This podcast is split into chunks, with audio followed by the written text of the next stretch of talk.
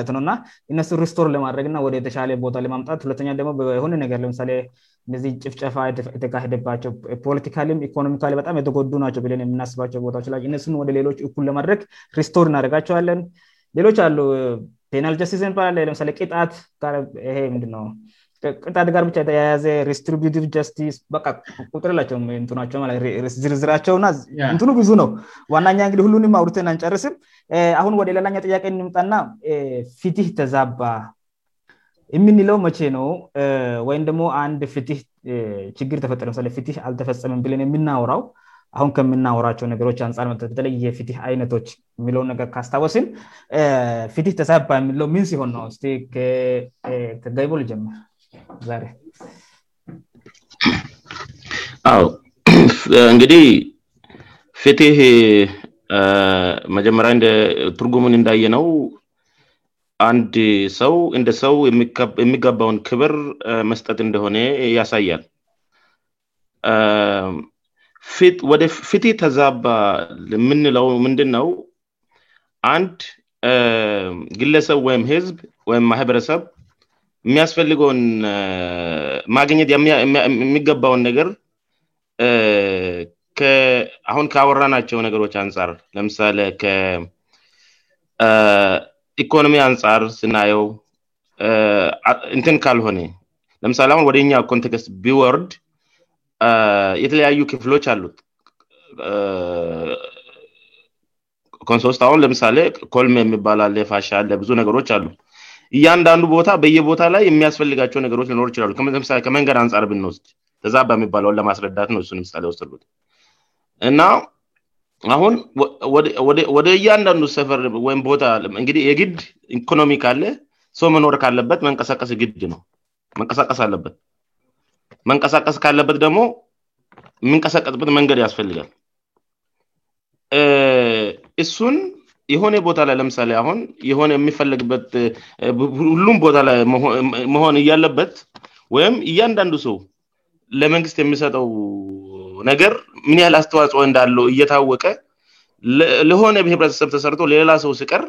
ወይም እንደ ህዝብ ሳይታስብ ዝም ብሎ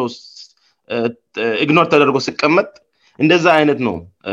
ፍት ተጓድለ የሚያስ ብለ እንደዚ አይነት ነገር ምንድነው አንደኛውን መጠቀም እየተገባው እየመጠ ነው እያስፈለገው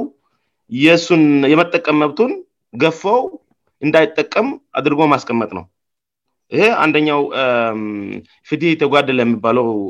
ሀሳብ ነው ከሌሎች አንጻሪ ማንሳት እንችላለን ለምሳሌ ከሌጋል ፖንት ቪውላ ማንሳት እንችላለን አሁን ብዙ ጊዜ ኢትዮጵያ ውስጥ ስናት አቶክአባውበት ር ኢትዮጵያ ለምሳሌ ኢትዮጵያውስ ብዙ አሁን ተብላጅተዋል ህግ አሁን ሳሆ በጣም ተሰርቶበታል እዲበላሽ ተደርጎ እና አንድ ወንጀለኛ አንድ ወንጀል የሰራ ሰው በጣም ከባር ወንጀል ሰው እስከ ምግደል አይነት ወንጀል ሰርቶ እስር ቤት ገብቶ የመወጣበት ነገር አለ አሁን ይሄ ሰውዬ እዛ የተቀመጡ ፍትህ አካል አሁን ይ ህግ አስፈፃሚው አካል ቢ አሁን ችግሩ ምንድነውን ፖሊስ መቼም ፊት አቃል ፓፖሎስ ይጀምራል ፖሊስ ወንጀሉን እንቹን ልጅቶ ወደ ህግ ሲያቀርብ ወይም ሰውን የበደለውን ሰውየይዞ ሰድ ሰውየው በወንጀሉ ተከሰው የሚፈለገውን ቅጣት አግኝቶ ያኛው ሰውዬ በሌላ መልኩለመቅጣት እንዳይነሳሳ እሱን ለመቅጣት በራሱ ተነስቶ ጥፋት ሌላ ሁለተኛ ጥፋት እንዳይሰራ ለመከላከል ነው ወንጀለኛ በህግ መሰረ እንድጠየቅ የሚደረገው ስለዚህ አሁን ይሄ ወንጀል የሰራው ልጅ ዝም ብሎ ዛሬ የሆነ ሰውይም በድሎ ነገ ላይ ዘና ብሎእንዲሁም እያፈሄዘበት ሲል ሳየው አዛት ታይም ያ ህግእና ፀጥታ የህዝብ ሰላም ያስከብራል ህዝብ የሚፈልገውን እንዲያገኝ ያደርጋል የተባለው ሰውዬ ሰዎቹ ተጣልቶ ወንጀል እንዲሰሩ ምክንያት እየሆነ ነው ማለት ነው ስለዚህ የዛነ የምንድነው ይሄ ፍትህ መዛአባት ነው ያ ሰውዬ የሚፈልገው ነገር ፍትህ ማገኘት ከሆነ መጀመሪያም ፍትህ ስለሚፈልግ ነው ወደ ፍት አካላት እንት ያደረገው ጥቀማውን የሰጠው ተበድይ ያለው እንግዲህ ፍርድ ቤት ሄዶ ከሷዋል ይሄ ሰውዬ አልአግባብ ህጉ በማይፈቅድ መልኩ ነን በድሎኛል ስለበደለኝ የከሰስኩት ነው ይጠየቅልኝ ነውያለውእንግዲህ እሱን ህጉ በሚፈቅዶ መልኩ ሄዶ በሚመለከተው መንገድ ሄዶው ከፖሊስ ጠበበ ጀምሮ ወደሚመለከተው ሄዶ የሚገባውን ልክ ህጉ በምለው መሰረት ተደርጎ ህጉ እንዲቀጣው መደረግ አለበት ስለዛኔ ይ ሰውዬ ሌላ ነገር አያስብም ደስተኛ ይሆናል ለበቀል አይነሳሳም ሌላ ክፉ ነገር አያስብም እንዲሁም ጓደኛ እንደሆነ ያደርጋል ሰውየው እራሱን ያውቃል ህጉን ይማራል ሌላ ሰው ጥፋት እንደዚህ አይነት ተመሳሳይ ጥፋት ሌላ ጊዜ ህብረተሰብ ንድውስጥ እንዳይፈጠር ትምህርት ጭምር ሊሆን ይችላል ማለት ነው ስለዚህ አሁን ምንድነው ፍ የሚገርሚ ፍትህ ማለት አሁን ዚ ጋ ዝም ብሎ የሆነሰውተሰርተ ለሆነ ሰው የማይሰራ ነገር አደለም ፍት በጣም ሚኒማም ሪኳርመንት ነው ለአንድ ሰው ልጅ ለመኖር አንድ ሰው የሚያስፈልገው የመጨረሻ ትንሽየነገር የሚባለው ፕሮሾል ይባላል በእንግሊኛ የሚባ በ የመጨረሻ ሴንስ የሚታደገው የመኖር ፊሊንግ የሚታውቅበት የመጨረሻ ነገር ነው እና ፍትህ ብዙ ጊዜ እናወራለን የመኖር መብት ሰው መኖር አለበት መኖር ያለበት ሌላ ሰው ስለፈቀደ ሳይሆን ሱ ኖመኖር ስላለበትነው የተፈጠረው ለመኖር ነ እንድኖር ያደረገው አብሮት የተፈጠሩ ወይም እንደዚህ ወንድም ያባ እንዳለው እኛ ቀናንሰን የሰጠነውን መብት በመጠቀም እንዳይኖር ማድረግ አይደለም እደሱ እንዳያደርግን አይደለም አንድ የሆነ ፍት አስፈፃሚ አቃል ያ ምንድን ነው ይሄ ልፈጠረ የቻለው ያለው የህግ ሲስተም ችግር ያለበት እንደሆነ ያሳያል ይሄ በጣም ኮምፕሊኬትድ ችግር ነው አሁን እ ከኛ አንጻር ስለምንነው የምንነው እን ከላይ ጀምሮ ለምሳሌ አሁን ህግ ሲወጣ ህጉ የሚወጣው ለአውጭዎቹ ብቻ አደለም ከላይ ከወጣበት ጀምሮ በሚፈለገው ስቴፕ ወይም ሄራርኪ ወርዶ እታች ህዝቡ ላይ ላይፍ የያዝቱ ላይፍ እንዲቀይር ህዝቡ የሚፈልገውን አይነት ህወት እንዲኖር ማስቻል ነው ስለዚህ እዛ ምረት ላይ ያሉ የፍትሄ አካላት እሱን ነገር ወደ ራሳቸው አጣጥሞ ወደ ህዝቡ አውርዶ የሚፈለገውን ወንጀለኛ ካለ ወንጀለኛ ለይቶ እንደ ወንጀለኛው ጥፋት ወንጀሉን በህጉ መሰረት ጠይቆ ያኛውን ፊት እያሰጡ እንዲሰሩ ነው እትን ያሉት አየ አሁን በዚህ ሰዓት አሁን ስለጸጥታ አካላት ነው እያወራውታለን ስለ ፖሊስ ስለኮክትራለን ስለነዚህ ጉዳዮች ስለሚናነሳ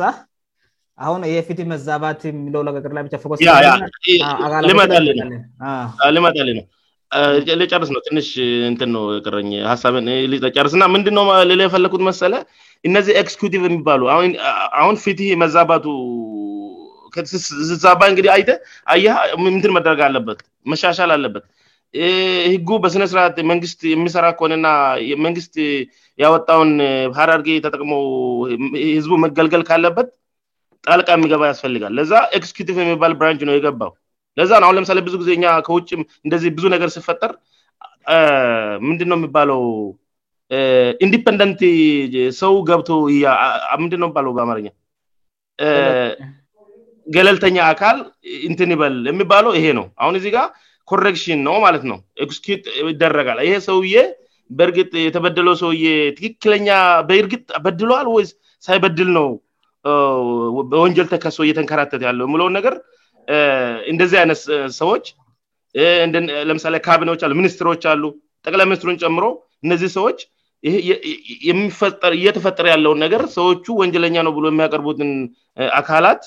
በምን አይነት መልኩ በእርግጠኛ ወንጀለኛ መሆናቸውን ለማረጋገጥ ጣልቃ ይገባሉ ማለትነው ቃ ይገቡና ፌርኔሱን ያደጋሉ ድር እርግጠኛ ሲሆኑ ነው ን ሆምክንያቱም ሰውየው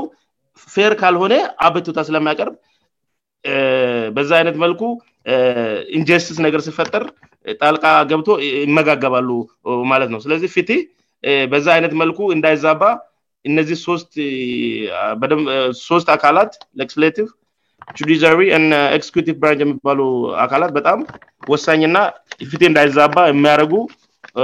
ትልቅ የአንድ ደሞክራቲክ ጎቨርንመንት ብራንጆች ናቸው ይ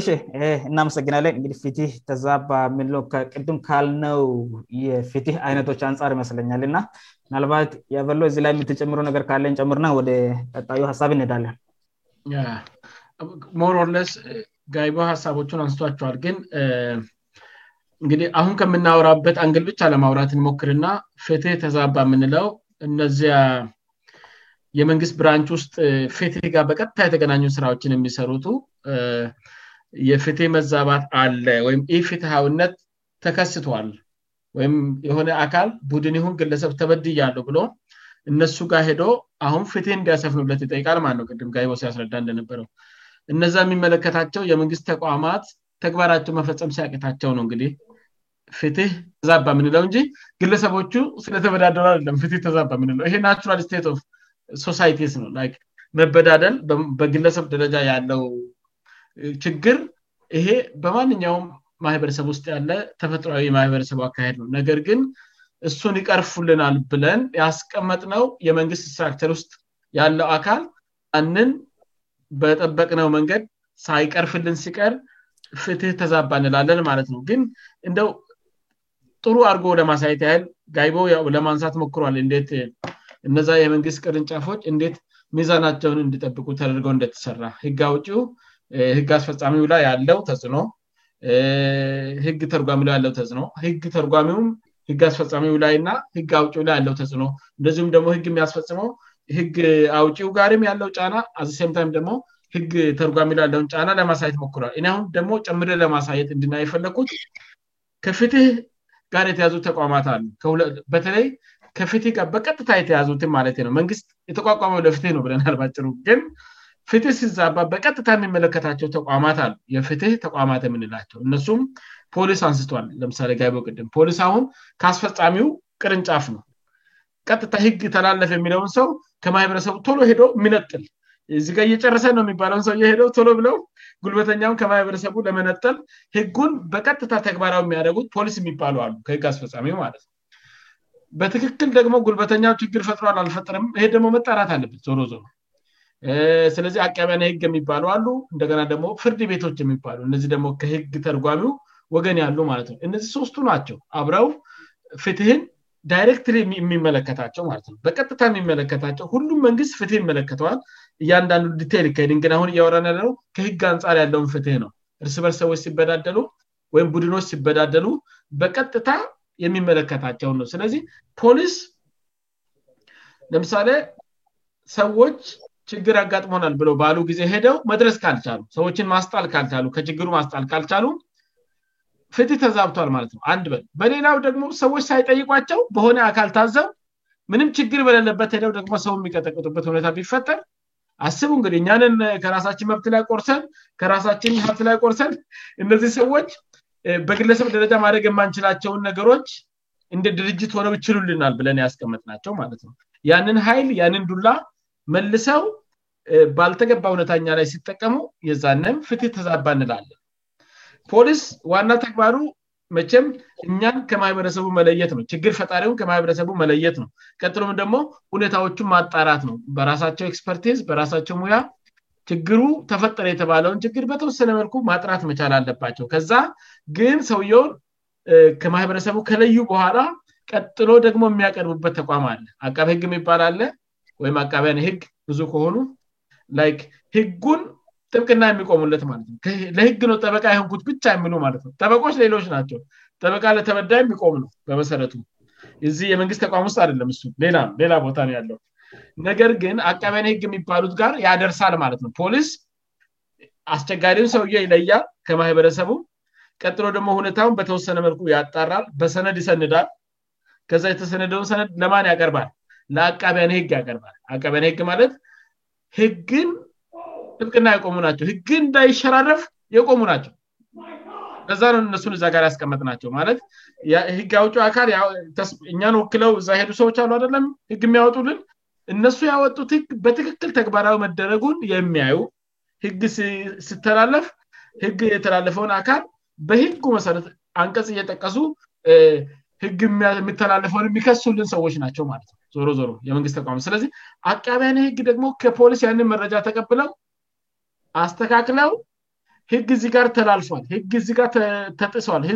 ህግጋር ተሸርፏል ብለው ወደማንፊት ይቀርባሉ ደግሞ ፍርድ ቤቶች የምንላቸው ዳኞች አሉበት እዛጋ ሄደው ደግሞ ይቀርባሉ ማለት ነው ዳኞቹ ደግሞ በተሰጣቸው እንደዚሁ ግራቀኝ እያዩ እያመዛዘኑ ከፖሊስ የመጣውንም መረጃ አቃበህግ ከፖሊስ የመጣው መረጃ ላይ ተመስርቶ የጠቃቀሳቸውንም የህግ አንቀጾች እያየ ፍርድ ቤቱ ደግሞሆን ያረጋል የራሱን ውሳኔ ይሰጣ ይሄ ሁሉ ሂደት ግን አሁን ቅድም ፖሊሶቹ ለምሳሌ መጥተው እኛን እየገደለን ያለውን ሰው ከእኛ መሀል ነጥለው እኛን ማዳን ካልቻል ፍት ተዛንፏል ብለናል አደለም ወይም ደግሞ ማንም ሳይጠይቃቸው መተው የሚቀጠቅጡን ከሆነ ችግር በመካከላችን ሳይኖር የሆነ ሌላ አካል ልኳቸው መጥተው የሚመቱን ከሆነ እሱ ጋም ተዛብቷል ብለናል አሁንም ደግሞ ፖሊስ የራሱን ስራ በአግባቡ በህጉ መሰረተ ሰርቶ ስለ አንድ ወንጀለኛም ደግሞ ስለተፈጠረ ችግር ለአቃበ ህግ መረጃውን ካደረሱ በኋላ አቃበ ህግ ደግሞ በትክክል ህጉ ሪፈር እያደረገ የሚገባውን የህግ አንቀጽ እየጠቀሰ ያንን ጉዳት የፈጠረውን ወይም ረብሻ የፈጠረውን አካል ለህግ ማቅረብ ደግሞ ፍርድ ቤት ፊት ማቅረብ ካልቻለ እና እየሸፋፍነ ወይም ልምጥምጥ የሆኑ አንቀጾችን ብቻ እየፈለገ ወይም ይ ምንም የህግ አንቀጽ አልጠጣሰም እያለ የፖሊስን ስራ ከንቱ የሚያደረግ ከሆነ እዛ ጋም ፍትሄ ምንወላል ማለት ነው ተዛብቷል ማለት እንበልና ፖሊስም ቆንጆ ስራውንሰብቷል አቃቢ ህግም የሚገባውን የህግ አንቀስ ጠቅሶ ዶኩመንቱን ሰንዶ መዝገቡን አደራይቶ ፋይና ዳኛ ፊት ለፍርድ ቤት ደግሞ ሲቀርብ ዳኛው አሁንም በተሰጠው ጀጅመንት ወይም በተሰጠው መመሪያ መሰረት ግራቀኝ አይቶ መፍረድ የሚገባውን ደግሞ መፍረድ ካልቻለን አሁንም ፊቴ ተዛብቷል ማለት እንችላለን እንግዲህ ያው ሰፊ ነው ኮንሰብቱ ግን አሁን ቀጥታል ከህግ ጋር ብቻ ከተያዘ አንጻር ስንነሳ ከፖሊስ እስከ ዳኛ መካከል ያለው ፕሮሲጀር ራሱ አግባብ አለው የሚመራበት ህግ አለ እግዲ እግዲ መንግስት ብለንሰዎችን ስናስቀምጥ እኛን የሚወክሉ ሰዎች ህግ አውጮቹ ያወጡት ህግ አለ በቃ አንድ ሰው ጥፋት ስስራ የሚያዝበት መንገድ እንደዚህ ነው መሆን ያለበት አካባቢ ህግ መዝገቡን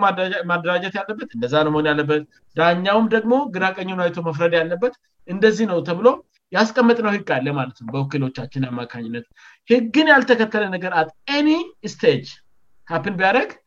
ፍትህ ተዛብቷል ማለት እንችላለን ምክንያቱም የፍትህ መዛባት በዋናነት ከመንግስት አንጻር ነው የሚገለጸው እንጂ ከግለሰቦች አንጻር አ ግለሰቦች ይበዳደላሉ መንግስት አላማው ግለሰቦች እንዳይበዳደሉ መርዳት ነ ወይም ደግሞ የተበደለ በደልም ካለ በደሉም በሬስቶሬቲቭ ጃስቲስ ከሀሳ በማስከፈልም ይሁን ብቻ የሚመለከተውን አካል ሚዛኑን የጠበቀ ህወት ዜጎች እንዲኖራቸው መርዳት ነው ስለዚህ በማንኛው መስተጅ ላይ ችግር ካለ ፊት ተዛባ እንላለን ማለት ነው በጣም እንግዲህ እያለፋችሁኝ አስቸገራቸሁኝበጣምወደፊትወደፊት እየሄዳችሁ ኒ ወይ ግን ምንድነው ረዲ ጊዙ አንስታችታል ፊት ተዛባ የሚለን ሀሳብ ነበረ ሲናወራ ነበረውእና ናልባት በአንድ ቃል ለመጠቅለል ቅም ግህ ፊት ማለት ለእያንዳንዱ ሰው የሚገባውን መስጠት ማለት ነውና ለእያንዳንዱ ሰው የማይገባውን መስጠት ደግሞ ፍትህ ነት እንላለን ይህምን ማለት ነው ለምሳሌ አንድ ሰው ወንጀል ሳይሰራ ወንጀል ሰርተል ብ ከታሰረ አይገባውም ይ ወንጀለኛ ነው ለማለት ራሱ በጣም ህግ መጠቀስ አለበት ቀዚህበሰውየወንጀለኛነው ተብሎነው ይሄ ሰውየ ወንጀለኛ የተወሰነ መብ ይቀነሳልማመንቀሳቀስመብ ብብዙ ነገሮች እና ይሄ ፍርድ ነው ለምሳሌ የበደለ ሰው ጥፋት የሰራም ሰውዬ አላጠፋ ብሎ ነፃ ነ አን ትክክልህ ብለደሞማህበረሰብ ውስጥ መልቀቅም ይም ምንተፈጠደ ማለት ነው አሁንም ኢንስቲስ ወይም ሞትነእ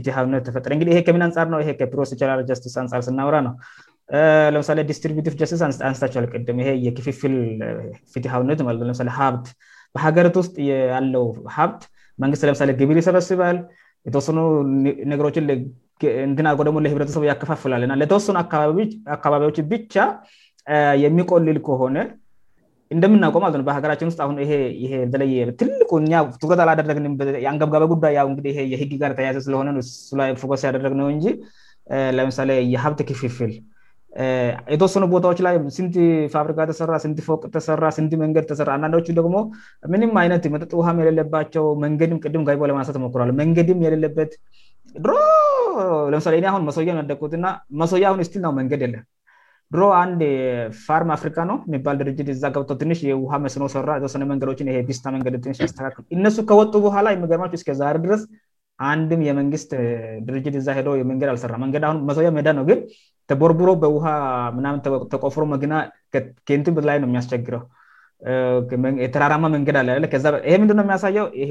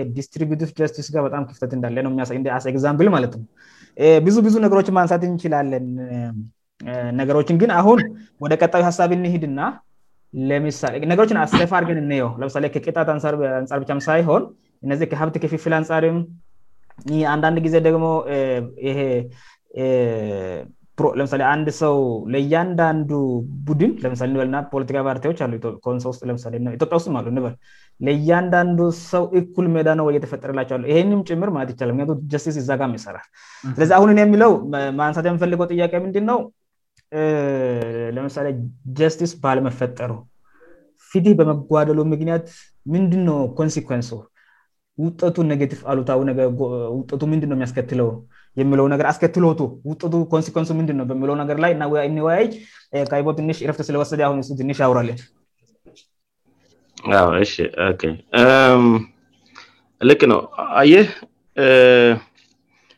ይፍት የሚያስፈልግበት ምክንያት ምንድነው እንግዲህ እንደተነጋገር ነው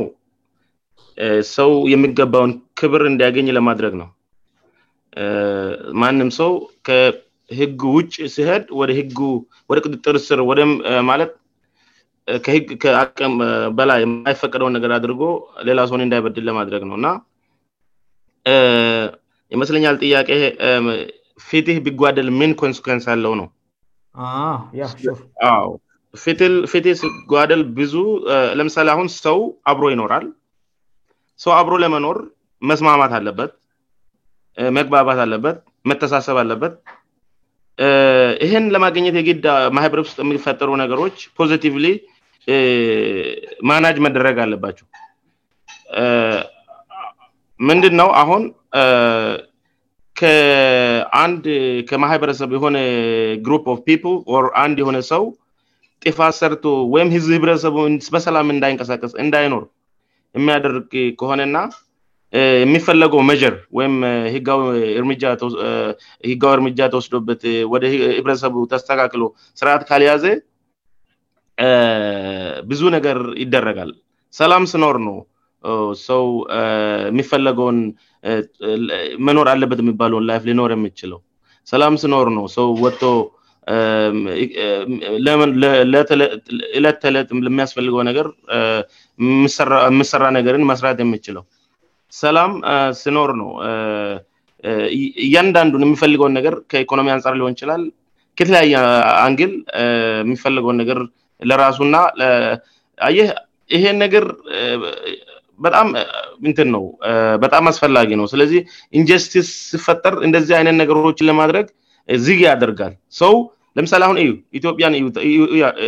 በምን አይነት ሁኔታ እንደሆነአሁን ኢንጀስቲስ የሆነ ነገር ስፈጠር ውስጥ ላይ መሰራት ያለበት የኢኮኖሚ ነገር አለ የምታሰብ አለ ውስጣዊ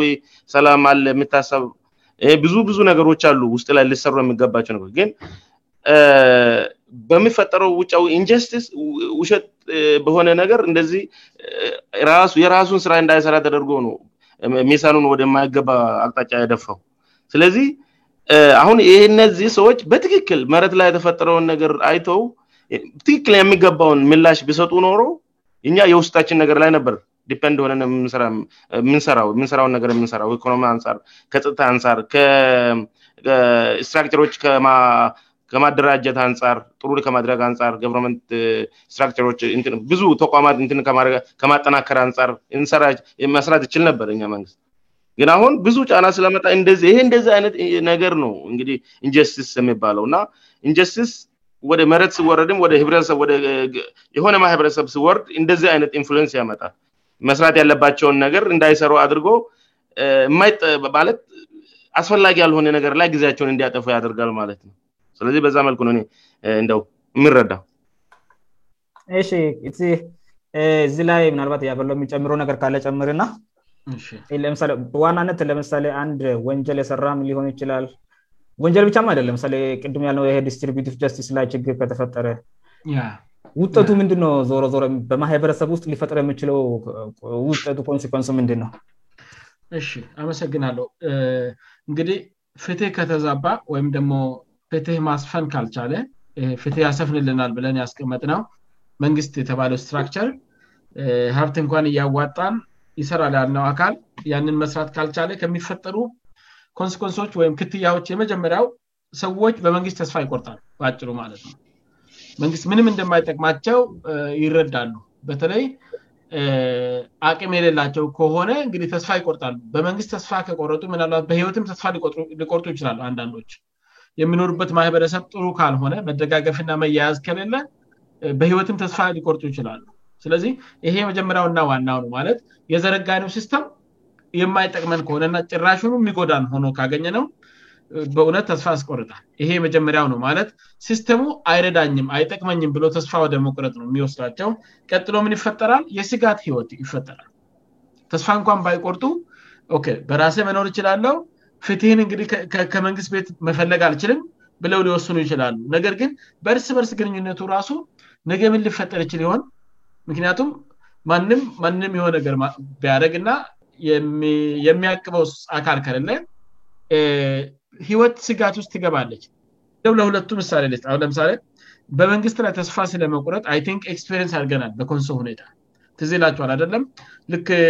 የእኛ ህዝብ የዞን ጥያቄ በጠቀ ጊዜ የደቡብ ክልል መንግስት ከፍተኛ ጫና እየፈጠረ ነበር የእኛኑ ልጆች እየጠቀመ የ በዛን ጊዜ ወረዳ ነው የሚባለው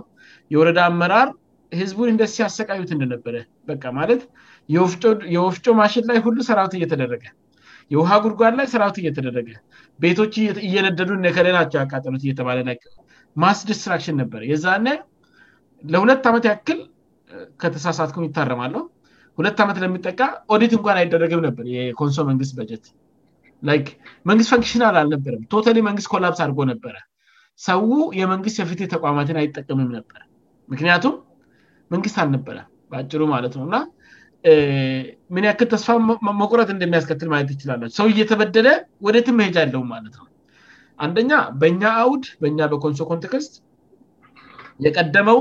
ይሄ ትራዲሽናል ዘመናዊ መንግስት ከመኖሩ በፊት የነበረው የፍትህ ስርአቶች አ በባህል ሰዎች አብረው ሲኖሩ ግዴታ ይፈጠራ እነዚህ ነገሮች ኦልሞስት ዲትሮሬት uh, ተደርገው እንድጠፉ ነበር የተደረጉት በዘመናዊ የመንግስት ስትራክቸር ምክንያት ዘመናዊ የመንግስት ቅርፁ ሲመጣ ነባር የነበሩና ማህበረሰቡን ለብዙ መቶ ዓመታት ሲጠቀምባቸው የነበሩት እንድሸረሸሩና እንዲጠፉ ስለተደረገ ፍትህን እንኳን ማህበረሰቡን አብሮን የሚያያይዙ ኮሄርሲቭ ኖ እንዲቀጥል የሚያያይዙ ሲስተሞች እንዳልነበሩ ሆነዋል በመንግት በዘመናዊ መንግስት አደረጃጀት ምክንያት ማለት ነው ያ ኮላፕስ ባደረገበት ቅጽበት ምንድ የተፈጠረ ን ሁላችሁም ሰምታቸ አ ብያስባሉ ምክንያቱም ሰውሰውን አይከስም ነበር እየተበደለም ለምን ፍትህ እንደማያገኝ ስለሚያውቅ ማለት ነው እና በኮንሶል ደረጃ እንኳን ኤክስፔሪንስ አድርገናል የመንግስት ሲስተም ፌል ሲያደረግ ተግባሩን መፈፀም ሲያቅተው ዜጎች በመንግስት ተቋማት ተስፋ ይቆርጣሉ ስለዚህ ፍትህንም ፐርሶ አያደጉም ፍትህንም አይከታተሏትም ጉልበተኛ እንደጨቆነ የተጎዱት እንደተጎዱ ይቆያሉ ወይም ይኖራሉ ማለት ነው በስጋ ተመኖሩን ሁኔታ አሁን መመልከት እንችላለ በመላው ኢትዮጵያ እየሆን ያለውን መመልከት እንችላል መንግስት የሚገባውን ጀስቲስ ለምሳሌ ዜጎች በህይወት እንድኖሩ ማድግ መቻል አለበት አደለም እያንዳንዱ ሰው ራሱን መጠበቅ የማይችልባቸው ሁኔታ ስላለ ነው መንግስትን ለራሷችን ያደራጀ ነው ስለዚህ መንግስት ከገንዘባችንም ከምንበላውም ከምንም ቀናንሰብ ኃይል ሁሉ ያስታጥቀናል ቀመንጃ ምናምንት ታጥቋል ከኛ ቅም በላይ የሆነውን ባክ እንደረስልኝ ካለው ምን ማድረግ ነበረበት መንግስት ያ የሚመለከተው የመንግስት ብራንች ኃይል ልኮ ከእኛ ላይ ማቀብ አለበት ማት ነው የሚገለንን የሚያጠፋንን የሚያቃጥለንን ማቀብ አለበት ያ ሳይሆን ስቀራአሁን እያየ ነው ኢትዮጵያ አንዳንድ ቦታ አደለም ሰው ስለ ንድ ሁትላንትና ይሆነ ቦታ ሰምቻለው እንዲሁም ንግግር ጠፋ ኮ ማለት የዛሬ አመት መባል ጠፋል ነገ ዚ ፈድ ነገ ብንኖር እየተባለ ነው ምክንያቱም ስለ ነገ ዋስትና እያጡመጡ ማለትነው ዜጎች ለምን የምናውቃቸው ሰዎች ሲገደሉ ነገኛም ልንሞት እንችላለን ብለን እናስባለን ማለት ነው መንግስት እያለ ነ ስራውን እየሰራ ስላል ሆነ ለለም ሞት ምንም ዋስትና አያለንም ምክንያቱም መንግስት ስራውን በአግባቡ ሲያከናወን ስላላየ ማለትነው ስለዚህ ስጋት ዜጎች በስጋት እንድኖሩ ያደርጋል በአጭሩ ይሄ ሌላኛው ነው ሌላኛው ሰዎች ለበቀል ልነሳሱ እይችላሉ ገብሃን ገድዬ ሞታለሁ አጥፍቶ መጥፋት አይነት አባዜ ልጠናወት ይችላል በደሉ ክልክ ብላይ ሲሆንብህ የሆነ መንግስት ጋ ሄጃቤ ትላለው ትላለ እዲህመንግስት ንን ስራ በአግባቡ የሚሰራ ቢሆን ማለት ነው ነገር ግን መንግስት ጋ ቤትም ስትል ያሰውዬ ምናልባትም የፍትህን ስርዓት የሚያዛባበት የሆነ አቅም ካለው ተስፋ ትቆርጥና እስከ መቼ እንደዚ ይኖራለሁ ትላለ ለበቀል ትጋበዛለ ማለት ነው ውስጥህ ይደፈርሳል ማህበረሰብ ውስጥ ያሉ ሰዎች ለበቀን ልነሳሱ ና ቁርሾ ከትውልድ ወደ ትውልድ የሚተላለፍ ቁርሾ ላ ሊፈጠር ይችላል ማለት ነው ይሄ ሌላኛው ነው ምናልባት ለመጨረሻ መናገር ያለብኝ እርስ በርስ መያያዝን ያጠፋል ማህበረሰብ እርስ በርስ እንዳያያዝ እንዳይተማመን አብረን ኑሮውን በጋራ እንዳይኖር ያደርጋል ይሄ እንግዲህ ማህበረሰቡ ለምንድንነው ህብረት ማድረግ የሚያውቅተው ካላችሁ ጉልበተኛም ከመካከል እንደ አለም እየለቀለ የሚያስወግድልን መንግስት ስራውን የሚያቆም ከሆነ ማለት ነው እንደ እዚ ላላብቃ ግን ከዚህ በላይ ብዙ መዘርዘር ይቻላል ያሰናዳ ነው ያስቀመጥ ነው ፍትህን ነገሮችን በሚዛን እንድናደግ እና ህይወታችንን በነፃነት እንድንኖር ይረዳናል ያልነው መንግስት ተቋም ስራውን ማድረግ ካልቻለ ብዙ ብዙ ኮንስኮንሶች አሉ ደግሞ ያለ መንግስት መኖር አይቻልም በነገራችን ላይ